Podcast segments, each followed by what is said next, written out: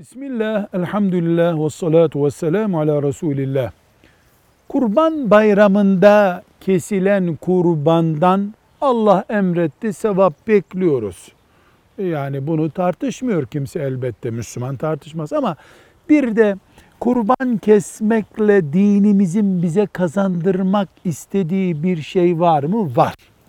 Birincisi can çıkan bir pozisyonla karşılaşıyoruz. Hayvanın canı çıkıyor, kanı akıyor. Bunun insana bir psikolojisi var.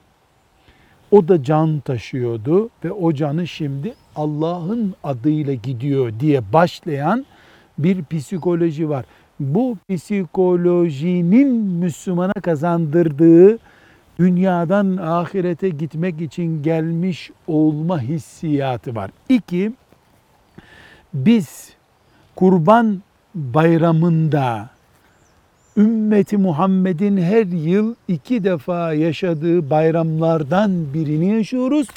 Ve bu bayram mali imkanı olan Müslümanların ki önemli bir bölümü Müslümanların bu ibadeti icra ediyorlar. Bayramı bir hayvanı keserek, kanını akıtarak başlatıyorlar. Bunun oluşturduğu bir hissiyat var. Üçüncüsü ve çok önemli, kurban ibadetinin ucu Resulullah sallallahu aleyhi ve sellem Efendimizin dedesi İbrahim aleyhisselama dayanıyor. Dolayısıyla dünyada 500 senedir, 1000 senedir, 2000 senedir kurban kesiliyor'nun çok ötesinde bir rakam var. Ümmeti Muhammed her sene binlerce yıl önce peygamberlerinin dedesi İbrahim Aleyhisselam'ın başlattığı bir şeyi devam ettiriyorlar. Bu bir ahenktir. Bu bir lezzettir. Bu bir mutluluktur Müslüman için. Bu yaşanıyor. Ve dördüncü olarak da bir nebze de olsa Müslümanların fakirleri bir yardım görüyorlar ve bu yardımda da yüz suyu dökmeden bunu elde ediyorlar.